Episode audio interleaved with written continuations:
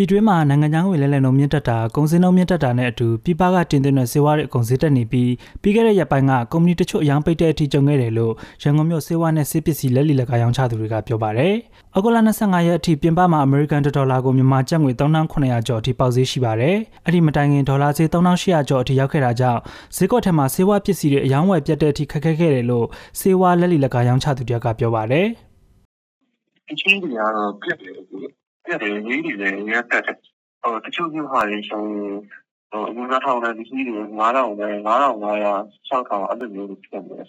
အရှိတဲ့ပုံတွေကတော့အယောင်းတွေပိတ်ကြတယ်အယောင်းတွေပိတ်ပြီးဒီတက်ကြတယ်ဒီတော့အကြီးကြီးလည်းလည်းလုပ်ပြီးဆိုရင်တချို့မျိုးစီပြီးတက်ကြတယ်ပေါ့အဲ့ဒါစီကိုကြီးတော့မရှိတာအကုန်တက်ကြတယ်အာရုံချင်းစီလို့ပါလို့ဆိုရင်တော့မအဲ့လိုမျိုးတက်ကြတယ်ပေါ့ဒါတော့900 900 300အဲ့လောက်တက်ကြတယ်တော်တော်များများတော့ဝယ်ရခက်တယ်ပစ္စည်းတွေတော်တော်များများပြတ်ကြတယ် ဒီနေ့တော့တော့ရတယ်ပေါ့ဟိုကျွန်တော်ကဟိုလက်ကားဖူးစီဘူးလေပြီးတော့အောက်ဆိုင်လေးကလည်းရေးတက်တယ်အပေါ်မှာလည်းအေးကြီးအများတက်တယ်အယောင်းဝက်ဒီပါပါတယ်လုံးရတဲ့အချိန်ဒီဈေးတွေအများတက်တော့အယောင်းညက်ထားတာအခုအခုရပိုင်းမှာမရှိအဲလုံးဝတဲ့တစ်ပတ်လောက်ဝေးနေရတော့စုပ်စုပ်ပစ္စည်းတွေအယောင်းညက်ထားတယ်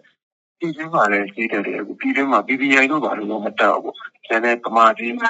ဈေးတက်တယ်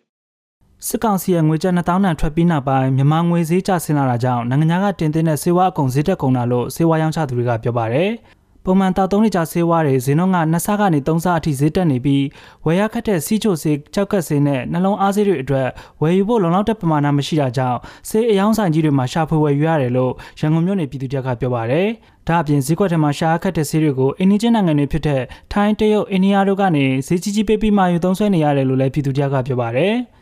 တစ်ထောင်တန်ဆေးက3000လောက်တက်သွားတယ်ပေါ့နော်။အချို့ဆေးတွေကတော့ဆေးဆိုင်ကိုမှားထားလိုက်တာဆေးတွေကတော့လေခဏပြတ်တာလို့ဘာလို့အဲ့လိုလို့ရှိတယ်။ဆေးနဲ့နှလုံးသေးတက်တယ်။ညီမတို့ရင်တော့တုံးတာတော့တိမ်မှုပေါ့နော်တစ်လောက်အခုကတော့တိမ်ကျော်3သိန်းလောက်တော့ပြောပါနှစ်ပတ်ကျော်30နီးပါးတက်တာပါဟုတ်အချို့နှလုံးသေးတွေကတော့ဟိုဆေးရုံမှာတစ်ခါလေးဝယ်ရလေးရှိရဲဒါပေမဲ့ဟိုတချို့ဝင်ကြဆိုင်နေမှာလို့ပြတ်သွားလို့ပေါ့နော်ဟိုနည်းနည်းစိုက်တက်ပြီးတော့ရှာပြီးတော့ဝယ်ရတာလေးရှိရဲ